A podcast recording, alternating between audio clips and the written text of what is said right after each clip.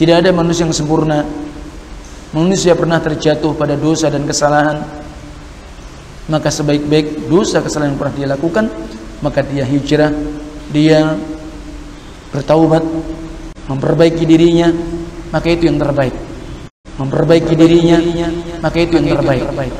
Ini sifat yang pertama. Jadi kalau seorang muslim saudara tidak nyaman dengan lisannya, tidak nyaman dengan perbuatan tangannya, saudara tidak nyaman dengan lisannya, tidak nyaman dengan perbuatan tangannya, nah sifat muslimnya hilang berarti. الحمد لله الذي له ما في السماوات وما في الأرض وله الحمد في الآخرة وهو الحكيم الخبير يعلم ما يلج في الأرض وما يخرج منها وما ينزل من السماء وما يعرج فيها وهو الرحيم الغفور mengawali kajian kita pada malam hari ini atas izin Allah tabaraka taala atas nikmat dan taufiknya maka kita bersyukur kepada Allah kita berusaha untuk senantiasa memperbaiki kedekatan kita kepada Allah dengan kita beribadah kepada Allah. Dengan kita senantiasa berusaha untuk mentaati dan menegakkan ketaatan kita kepada Allah. Kita pula memperbaiki takwa kita kepada Allah Azza wa Jal. Dan itu kita harus usahakan dan kita harus bersungguh-sungguh. Kalau memang kita ingin bahwa Allah akan tunjukkan dan mudahkan kita jalan untuk menuju ketaatan menjadi hamba yang bersyukur kepadanya sehingga harus adanya kesungguhan dan usaha yang maksimal. Balasan tergantung jenis apa yang dia perbuat apa yang dia amalkan. Al jaza'u min jinsil amal. Dan Allah taala berfirman di dalam Al-Qur'anul Karim pada akhir surah Al-Ankabut والذين جاهدوا فينا لنهدينهم سبلنا وإن الله لمع المحسنين dan orang-orang yang bersemangat bersungguh-sungguh di jalan kami artinya di jalan Islam di jalan iman di jalan ketaatan kepada Allah menempuh jalan-jalan takwa kepada Allah maka Allah katakan apa lanahdiyannahum subulana Sungguh kami pun akan bimbing menuju jalan kami. Jadi kalau kita bersungguh-sungguh menempuh jalan Islam, menempuh jalan iman, menempuh ketaatan kepada Allah, takwa kepada Allah, ya Allah akan tunjukkan kepada kita. Sebaliknya kalau kemudian kita hanya sekedar ya sama. Karena kesungguhan kita tidak ada, semangat kita tidak ada, maka ya Allah taala juga sebagaimana keadaan umatnya atau hamba tersebut. Ya. Anahdiyannahum subulana. Wa innallaha la ma'al muhsinin. Dan sesungguhnya Allah bersama siapa? Orang-orang terus ingin memperbaiki dirinya. Tidak ada manusia yang sempurna. Manusia pernah terjatuh pada dosa dan kesalahan. Maka sebaik-baik dosa kesalahan yang pernah dia lakukan maka dia hijrah. Dia bertaubat.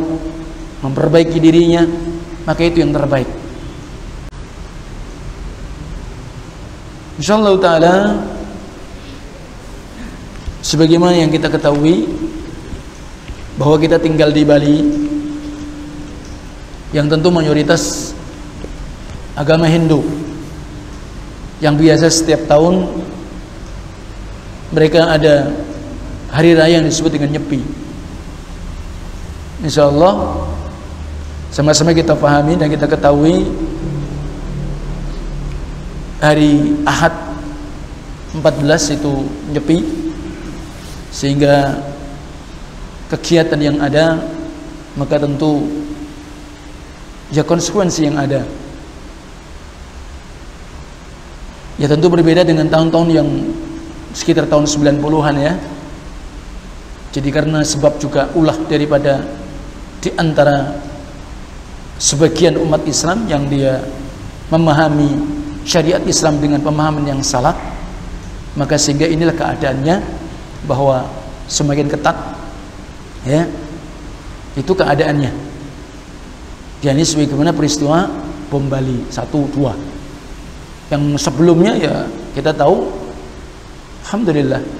Tapi hari ini itulah realita dan risiko yang sebagian di antara umat Islam yang mereka memahami syariat jihad sehingga mereka harus bom sana bom situ. Akibatnya apa? Ya tidak ikut makan nangkanya ikut terkena getahnya itu risikonya seperti itu. Maka oleh sebab itu harus diperhatikan bagaimana kita dalam memahami agama ini dan otomatis bagaimana kita mengamalkan agama kalau pemahamannya benar insya Allah ya apa yang diamalkan senantiasa membuahkan kebaikan karena memang Islam ini dibangun di atas kemaslahatan perintah itu yang diperintahkan Allah dalam agama penuh dengan kemaslahatan adapun larangan yang ada dalam agama Allah maka tentu itu membahayakan dan kemudaratan jadi seperti itu. Maka barakallahu fiikum. Wallahu alam adapun apakah ini kesempatan untuk ditambah sebagaimana yang awal-awal kita berdemi wallahu alam. Pro dan kontra. Ya. Ya kita jalani saja. Sebagai rakyat, sebagai umat ya sudah ikuti. Yang penting kita tetap bisa beribadah kepada Allah, menjalankan syariat Allah itu yang terpenting. Nah, dan untuk kegiatan sementara kajian insyaallah hari Senin sementara libur dan wallahu alam karena memang insyaallah saya juga ada rencana untuk safar. Safarnya ya karena memang untuk silaturahim insyaallah. Baik barakallahu fikum. Semoga Allah taala kita memohon kepadanya dengan nama-nama yang baik dengan sifat-sifatnya yang tinggi dan mulia. Semoga Allah taala senantiasa melindungi kita semua dan keluarga kita dari berbagai macam balak dan wabak dan semoga Allah taala segera untuk mengangkat balak pandemi yang sama-sama kita rasakan dan bahkan ini seluruh dunia. Insyaallah kita akan lanjutkan pembahasan kitab Bahjatul Qulub Al-Abrar. Hadis yang ke-6. Al-hadisus sadisu. Hadis yang ke-6. Sifatul muslim, sifat muslim. Ini sifatnya muslim. Jadi bagaimana sifat muslim maka disebutkan dalam hadis ini. An Abdullah ibni Amr ibn al-As radhiyallahu anhuma dari sahabat Abdullah ibnu Amr ibnu al-As semoga Allah meridai keduanya.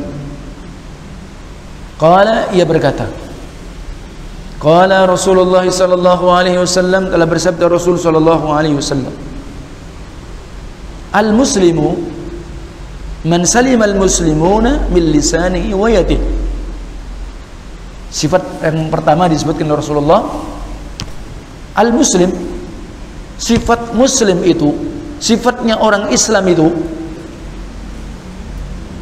seperti apa sifat seorang Islam seorang muslim Kata Rasulullah, "Man salimal muslimun bil lisani wa yati."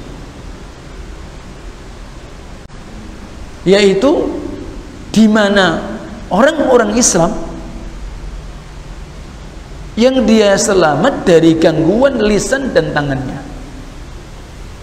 Jadi seorang muslim itu yang saudara muslim, saudara Islam yang lain selamat dari apa?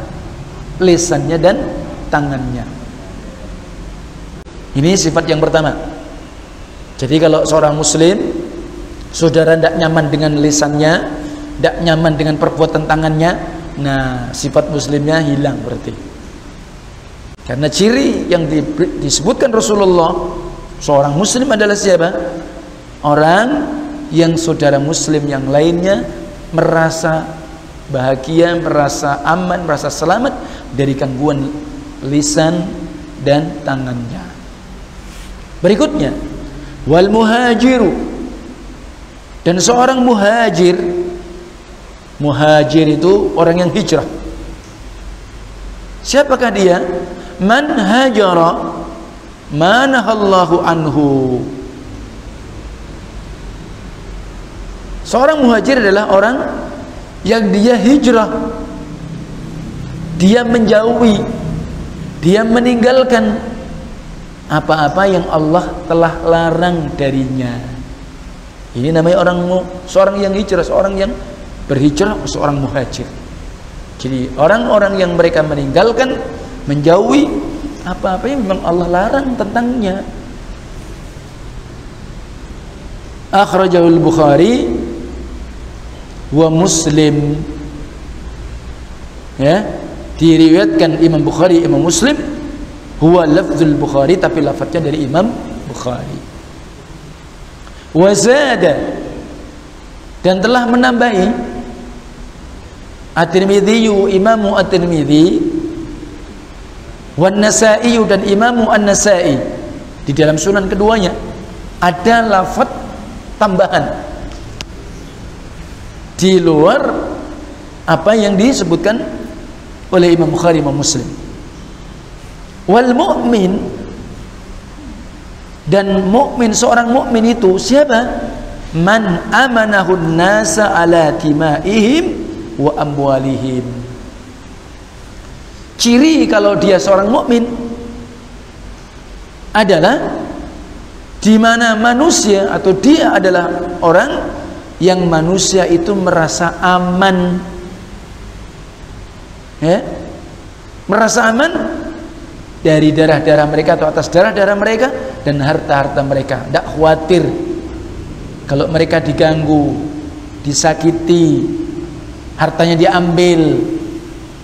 Nah ini mestinya seperti itu. Ya Mestinya seperti itu. Nah, dengan hadis ini kalau kaum muslimin yang mayoritas penduduk negeri kita yang kita cintai ini Indonesia kalau kemudian mempraktikkan dan memahami hadis ini mestinya ya kejahatan itu ya tidak banyak. Ya, pencurian juga demikian, kemaksiatan-kemaksiatan juga demikian, mestinya begitu.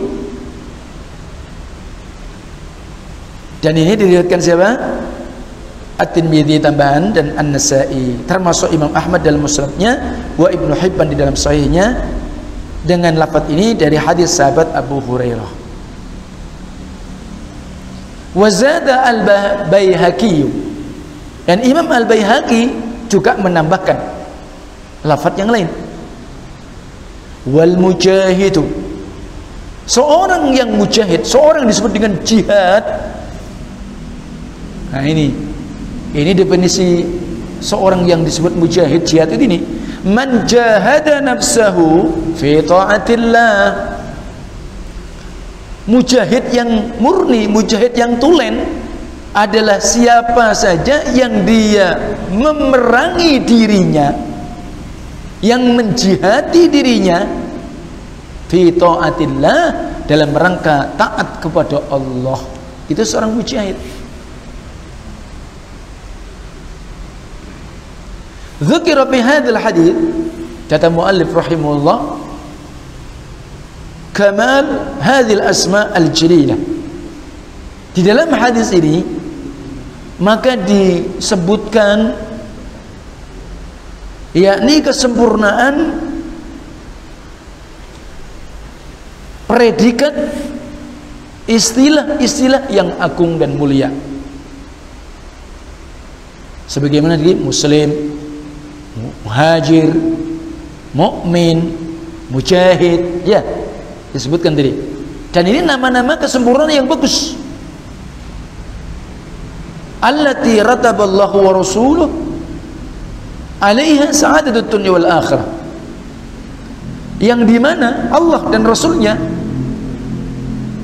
memberikan konsekuensi jika dia itu tersebut nama-nama muslim atau dia disifati muslim, disifati muhajir, disifati mukmin, disifati mujahid, maka dengan sebab itu dia akan mendapatkan kebaikan dunia dan akhirat.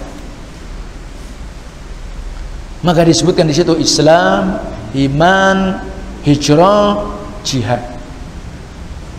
Wa dzakara hududaha bi kalamin jami' syamil dan telah disebutkan atau wadzukira hududuha atau disebutkan tentang batasan-batasannya maka dengan ucapan yang menyeluruh dan mencakup semuanya. Wa annal muslima man salimal muslimuna bil lisani wa yadi. Dan sesungguhnya seorang muslim maka siapa saja yang saudara-saudara yang muslim yang lain selamat dari gangguan lisan dan tangannya wadzalika annal islam hakiki dan ini menjelaskan tentang apa? Islam yang sebenar-benarnya. Apa itu? Wal istislamu lillah. Wal istislamu lillah. Bahwa dia seorang muslim yang hakiki muslim yang sejati bahwa dia itu berserah diri kepada Allah Jalla Jalaluh. Kemudian di samping dia berserah diri kepada Allah wa takmilu ubudiyatihi wal qiyamu bihuquqih wa huquqil muslimin dengan demikian pula dia menyempurnakan pengabdian dia kepada Allah. Di samping sudah berserah diri juga dia menyebutkan apa? Pengabdian dia menjalankan ibadah dia kepada Allah. Demikian pula menegakkan hak-hak Allah. Seperti apa dia mentauhidkan Allah di dalam seluruh makna tauhid dalam rububiyahnya dalam uluhiyahnya asma wa sifat. Dia tegakkan itu dan itu hak Allah. Dia tidak zalim kepada Allah sehingga dia tidak menyekutukan Allah. Sebagaimana itu konsekuensi dia mengatakan apa? Iyyaka na'budu wa iyyaka nasta'in. Dan itu seorang muslim. Hanya kepadamu ya Allah kami beribadah mengabdi hanya kepadamu ya Allah kami meminta pertolongan. Qul inna salati wa nusuki wa mahyaya wa mamati lillahi rabbil alamin. La syarika lah. Wa bidzalika umirtu wa ana awwalul muslimun. Ya? Artinya bahwa katakan sesungguhnya salatku kemudian apa wa nusuki sembelianku berbagai macam ibadahku wa mahyaya hidupku hidup kita di dunia ini wa mati nanti tatkala aku meninggal hanya untuk siapa? Lillahi Rabbil Alamin. Hanya untuk siapa? Allah. Ya. Maka kemudian la syarikalah tidak sekutu bagi Allah.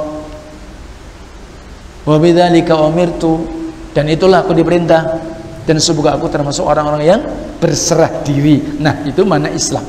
Di samping dia berserah diri, menyempurnakan pengabdian dia kepada Allah dan dia tegakkan hak-hak Allah dan tidak menyekutukan Allah. Demikian pula Islam Muslim yang hakiki, dia pula menegakkan hak-hak saudara Muslim yang lainnya.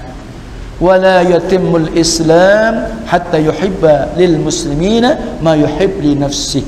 Maka tidak akan sempurna Islam seseorang dan dia pantas disebut sebagai seorang muslim yang benar sampai dia mencintai saudara muslim yang lainnya seperti dia mencintai dirinya kalau seseorang muslim dia senang dirinya mendapatkan kebaikan tidak ingin diganggu ya dia juga memberikan kebaikan dan jangan mengganggu saudaranya. Wala yatahaqqaqu dzalika illa bisalamatihim min syarri lisani wa syarri yadi. Ya? Dan itu semua tidak mungkin akan bisa tercapai dan terlaksana. Itu semua apa itu tadi? Dia berserah diri kepada Allah menjalankan pengabdian dia kepada Allah menegakkan hak Allah dan hak saudaranya dan tidak akan mungkin sempurna keislaman dia sampai dia mencintai saudara muslim yang lain seperti dia mencintai dirinya maka itu semua tidak akan bisa tercapai. Kecuali apa? Bahwa muslimin selamat dari kejahatan lisan dan kejahatan tangannya. Fa inna hadha asla hadha al-fard alladhi alayhi lil muslimin faman yuslim al-muslimun min lisani aw yadi kayfa yakunu qa'iman bil fardi alladhi alayhi li ikhwani al-muslimin. Dan ini termasuk dasar pokok perintah ini. Atau kewajiban yang di mana atas muslim dia harus tegakkan dia wajib menunaikan kepada saudara muslim yang lain. Maka barang siapa kalau dia mengaku dirinya muslim sementara saudara muslimnya tidak merasa selamat aman dari lisannya atau tangannya. Tidak selamat. Mungkin ucapannya suka memfitnah suka adu domba suka menggibah ya membuat kerusakan. Bicara sana sini kan seperti itu. Ya. Maka kalau sudah nggak selamat dengan lisannya demikian pula perbuatannya ya jadi perbuatannya tidak baik. Sudah usil suka ganggu. Ya. Maka bagaimana mungkin dia akan bisa menegakkan kewajiban? Yang memang menjadi kewajiban atasnya kepada saudaranya muslimin. Ya. Fasalamatuhum min syarri qawli min syarrihi al-qawli wal fi'li unwanun ala kamali islamih maka keselamatan mereka kaum muslimin dari kejahatan ucapannya atau perbuatannya maka itu sebagai tanda bagaimana kesempurnaan keislaman seseorang maka lah, maka sebab itu Rasulullah SAW mengatakan apa? Man kana yu'minu billahi wal yawmil akhir falyakul khaira aw liyasmut aw liyaskut. Barang siapa yang beriman kepada Allah dan hari akhir, maka hendaklah berucap perkataan yang baik. Jadi dia mikir, kalau dia saya kira-kira mengatakan seperti ini baik tidak? Memberikan kebaikan apa tidak? Apa justru kemudian madarat? Kalau saya menyebarkan berita seperti ini bagaimana? Berita yang belum jelas misalkan. Nah, ini harus hati-hati. Nah, atau dia diam sehingga diam itu separuh ilmu. Diam itu adalah emas. Iya. Jadi itu. Jadi termasuk perbuatannya juga demikian. Ya, perbuatannya juga demikian. Maka oleh sebab itu Rasulullah juga bersabda sebenarnya hadis Uqbah ibnu Amir sebagai apa? Sebab-sebab keselamatan, sebab-sebab kebahagiaan. Ketika Rasul ditanya, "Man najah?" Apa itu keselamatan? Nabi menjawab apa? Pertama, amsik alaika lisanak. Tahan lisanmu. Nah, ini sebab dengan lisan ini yang memang kita tahu dengan lisan nikmat Allah ini maka dia akan ditanya oleh Allah. Ditanya oleh Allah Taala. Ya. Bahkan kalau dia bisa menjaga lisannya sebagaimana zikir kepada Allah, tilawatil Quran, ya, kemudian menasihati manusia dalam kebaikan, ta'muruna bil ma'ruf wa tanhauna 'anil munkar, maka ini bermanfaat. Tapi jika kemudian sebaliknya, maka akan bisa menjerumuskan dia ya ke dalam neraka jahanam antara langit apa namanya? antara timur dan barat. Ini ibaratnya lisan dan dengan sebab lisan ternyata apa lebih berbahaya jika kemudian dia apa ifsadun nas ifsadu bainan nas merusak di tengah-tengah manusia membuat kerusakan. Sehingga dia adu domba. Ini lebih berbahaya daripada apa? Sihir itu sendiri. Sebagaimana perkataan Al-Habib Ibnu Abdul Bar. Maka hati-hati. Dipikir dulu ucapan saya kalau saya berucap lisan saya ini bagaimana? Ini penting. Nah. Wa fusiral mu'min kalau tadi Islam seperti itu Islam hakiki ada kemudian ditafsirkan dengan mukmin. Siapa mukmin? Bi annahu alladhi ya'manuhu an-nas ala timaihim wa amwalihim. Maka ditafsirkan dijelaskan mukmin adalah manusia yang aman atas darah-darah mereka dan harta-harta mereka. Tidak perlu khawatir mestinya aman. Ya? Fa innal iman idza tara bil qalbi wa imtala'a bihi maka sesungguhnya iman itu apabila memang dia ada. Ya? Dia tinggal ada di dalam hati dan memenuhi hati orang mukmin. Nah, jadi kalau jiwanya hatinya dipenuhi dengan iman aujaba li sahibi al-qiyam bi iman maka akan otomatis mewajibkan mengharuskan bagi pemilik iman tadi maka dia menegakkan hak-hak iman. Dan di antara yang terpenting apa itu? Riayatul amanat. Dia menjaga amanat yang dipercayakan. Nah ini cirinya mukmin itu begitu. Kalau jiwanya dipenuhi dengan iman maka orangnya amanah dia dipercaya maka dia amanah. Itu apa pun yang dipercayakan sama dia dia amanah. Maka dia tidak berkhianat ya. Dia tidak menipu seperti itu. Kemudian apa? Wasidku fil muamalat. Jujur di dalam apa? Berinteraksi bermuamalah. Mungkin berbisnis dalam utang piutang dalam menjual beli ya dalam berinteraksi dengan siapa pun. Jujur dia.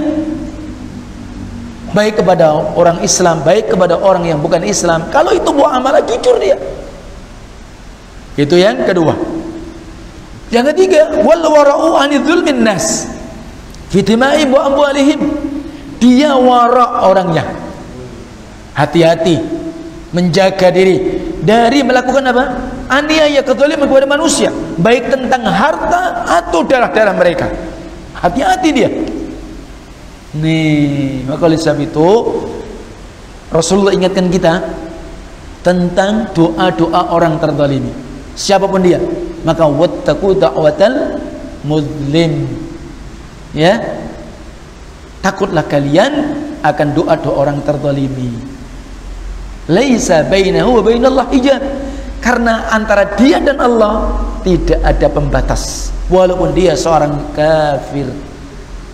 Ini penting jadi ini karena sifat seorang mukmin maka dia wara dari melakukan kezaliman kepada manusia tentang darah dan harta mereka. Ingat tatkala Rasulullah SAW berbicara tentang orang kafir apa? Zimmi. Tidak boleh diambil hak dia. Ini termasuk maka haram bagi dia walaupun dia seorang kafir zimmi. Tidak boleh. Nah. Wa man kana kadzalik 'urifa an-nas hadha minhu. Maka barang siapa yang memiliki sifat yang seperti itu, maka akan dikenal di tengah-tengah manusia, maka dia seorang mukmin. Hah? Kemudian apa? Wa amanuhu ala timaihim wa amwalihim. Mereka aman dari darah-darah mereka dan harta mereka, bihi dan mereka percaya. Ya, lima ya'lamun minhu min mura'atil amanat. Karena apa yang mereka ketahui manusia ini itulah ciri seorang mukmin. Dia senantiasa menjaga amanah amanat dia. Fa inna ri'ayatal amanah min akhassi wajibatil iman. Ingat karena sesungguhnya perhatian penjagaan amanat kepercayaan itu di antara kekhususan kewajiban iman. Tak khususnya kewajiban i, iman. Seperti disebutkan Nabi bersabda la imanun liman la amatul ma liman la amanatu lahu. Tidak dianggap orang beriman ya sampai orang tadi apa? Bagi orang yang apa? Tidak amanah yang diamanahkan kepada dia. Tidak apa? Dianggap orang itu beriman sempurna imannya ya bagi orang yang apa? Tidak amanat dengan amanat-amanat yang dipikulkan kepada dia. Dan itu hadis riwayat Imam Ahmad dalam musnadnya Ibnu Hibban dan yang lainnya. Tentang apa tadi? Sifat muslim sifat mukmin. Kemudian berikutnya tentang di sini hijrah. Nah sifat hijrah juga ciri seorang mukmin muslim wa fassara Rasulullah SAW al-hijratu allati hiya fardu ainun. Ala kulli muslim bi anha hijratu dzunub wal ma'asi. Rasulullah SAW menjelaskan tentang makna hijrah. Dan siapa seorang muhajir itu? Dan hijrah adalah fardu ain hukumnya. Wajib ain ala kulli muslim setiap pribadi muslim seakan-akan seperti apa Salat lima waktu. Seperti salat Jumat. Ya. bi annaha hijratud dunub wal ma'asi dan seorang muhajir di mana sesungguhnya Rasul sifatnya apa? Orang yang memang dia hijrah dari dosa dan kemaksiatan. Dosa dan kemaksiatan. Wa hadzal fardu la yasqutu an kulli mukallafin fi kulli halin min ahwalih. Dan ini kewajiban tidak gugur dari setiap mukmin muslim yang mukallaf di semua keadaan dari keadaan-keadaan yang ada. Dia wajib hijrah dari dosa-dosa dan kemaksiatan. Karena makna hijrah secara bahasa itu apa? At-tarku meninggalkan atau al-intiqal dia berpindah.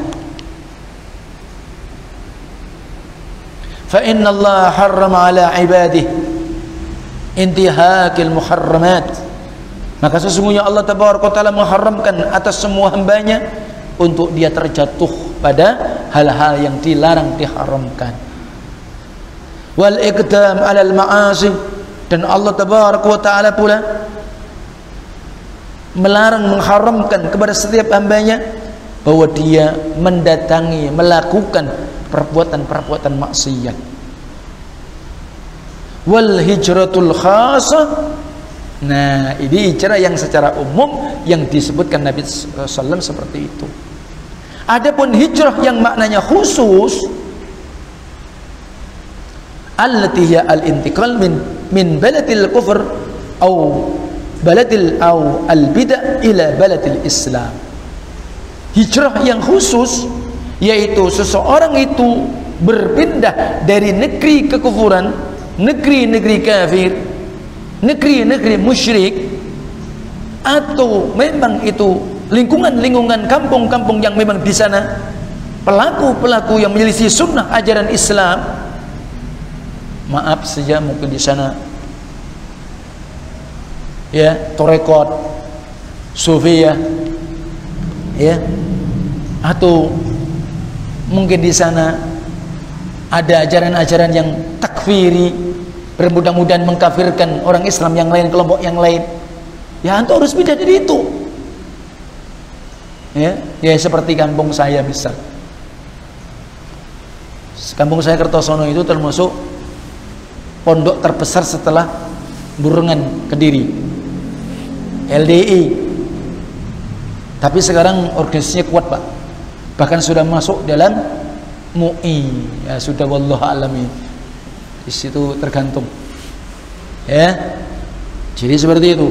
Tapi padahal sudah jelas-jelas mereka apa? Mengatakan bukan orang Islam kalau bukan jamaah dia. Jadi kita tidak dianggap Islam kalau tidak berjamaah tidak dianggap ber, tidak berjamaah. Kalau tidak apa? Punya amir pimpinan. Pimpinan mereka maksudnya. Yang dituju oleh mereka. Tidak dianggap kemudian Islam berjamaah kecuali dengan beramir memiliki amir pimpinan. Kecuali dengan apa? Maka dia bayat tidak dianggap berbayat kalau dia tidak taat taat. Dia begitu berkutuk Sebenarnya sudah jelas wallahu alam kita berdoa kepada Allah tabaraka semoga pemimpin kita diberikan hidayah taufik oleh Allah tabaraka taala sehingga bisa mengetahui al-haq al-haq al-batil al-batil.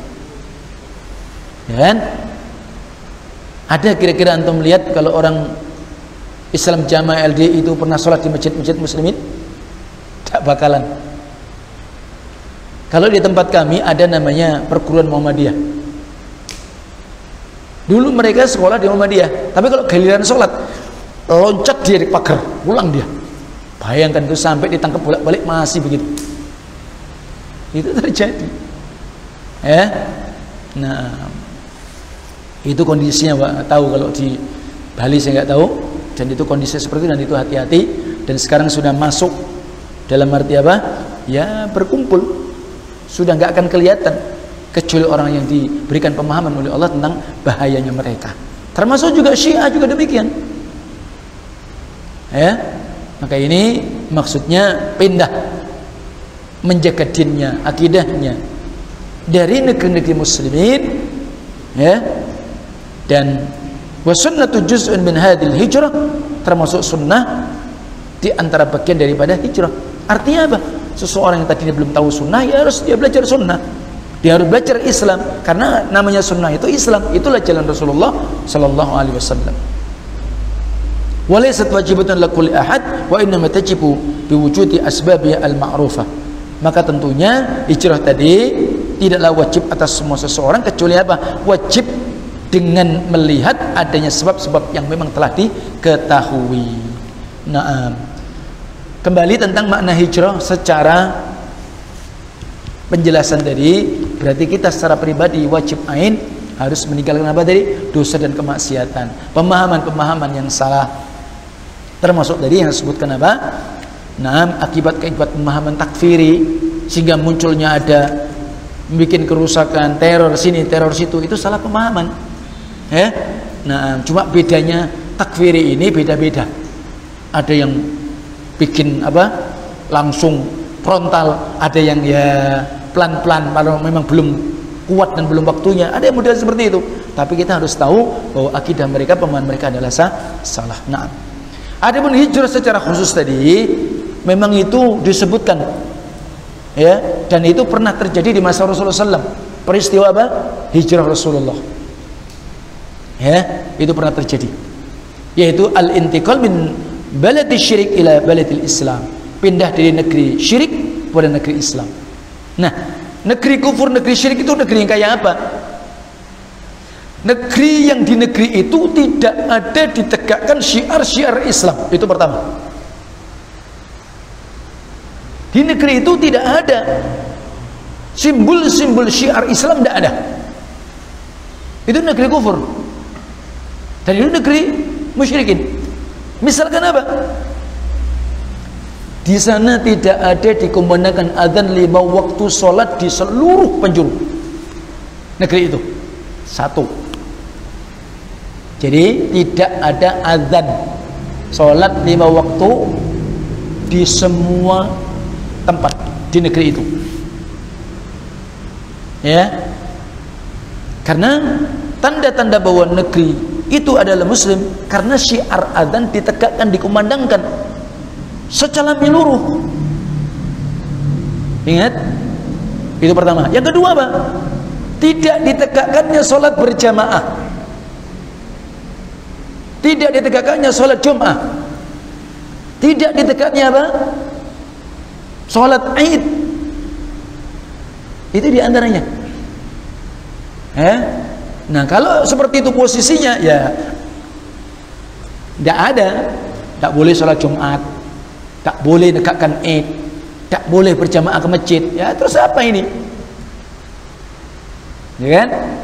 Nah, jadi ini maka barakallahu fikum alhamdulillah kita di negeri kita di Indonesia masih nampak syiar-syiar Islam. Ya, masih nampak ya kita memohon kepada Allah perbaiki adapun tentang hukum kembali kepada kaum muslimin ya. Kembali kepada kaum muslimin apakah hukum Allah akan ditegakkan? Maka semua kembali kepada kaum muslimin. Artinya apa? Ya ditegakkannya hudud misal kisos misal atau yang lainnya. Dipotong tangannya seorang pencuri sudah mencapai nisab. Atau memang batas-batas yang memang dibolehkan yang ditegakkan itu itu semua kembali kepada kaum muslimin. Ya tapi yang penting bahwa yang dimasukkan negeri muslimin adalah di sana ditegakkannya syiar-syiar Islam. Adapun kalau Persial ada misal di Jepang misal ada di Singapura misal ada mungkin di Amerika komunitas muslim tapi hanya sebagian. Itu tidak bisa dikatakan negeri muslimin. Karena apa? Harus menyeluruh. Kalau tidak, maka wajib bicara. Wallahu alam waktu membatasi kita.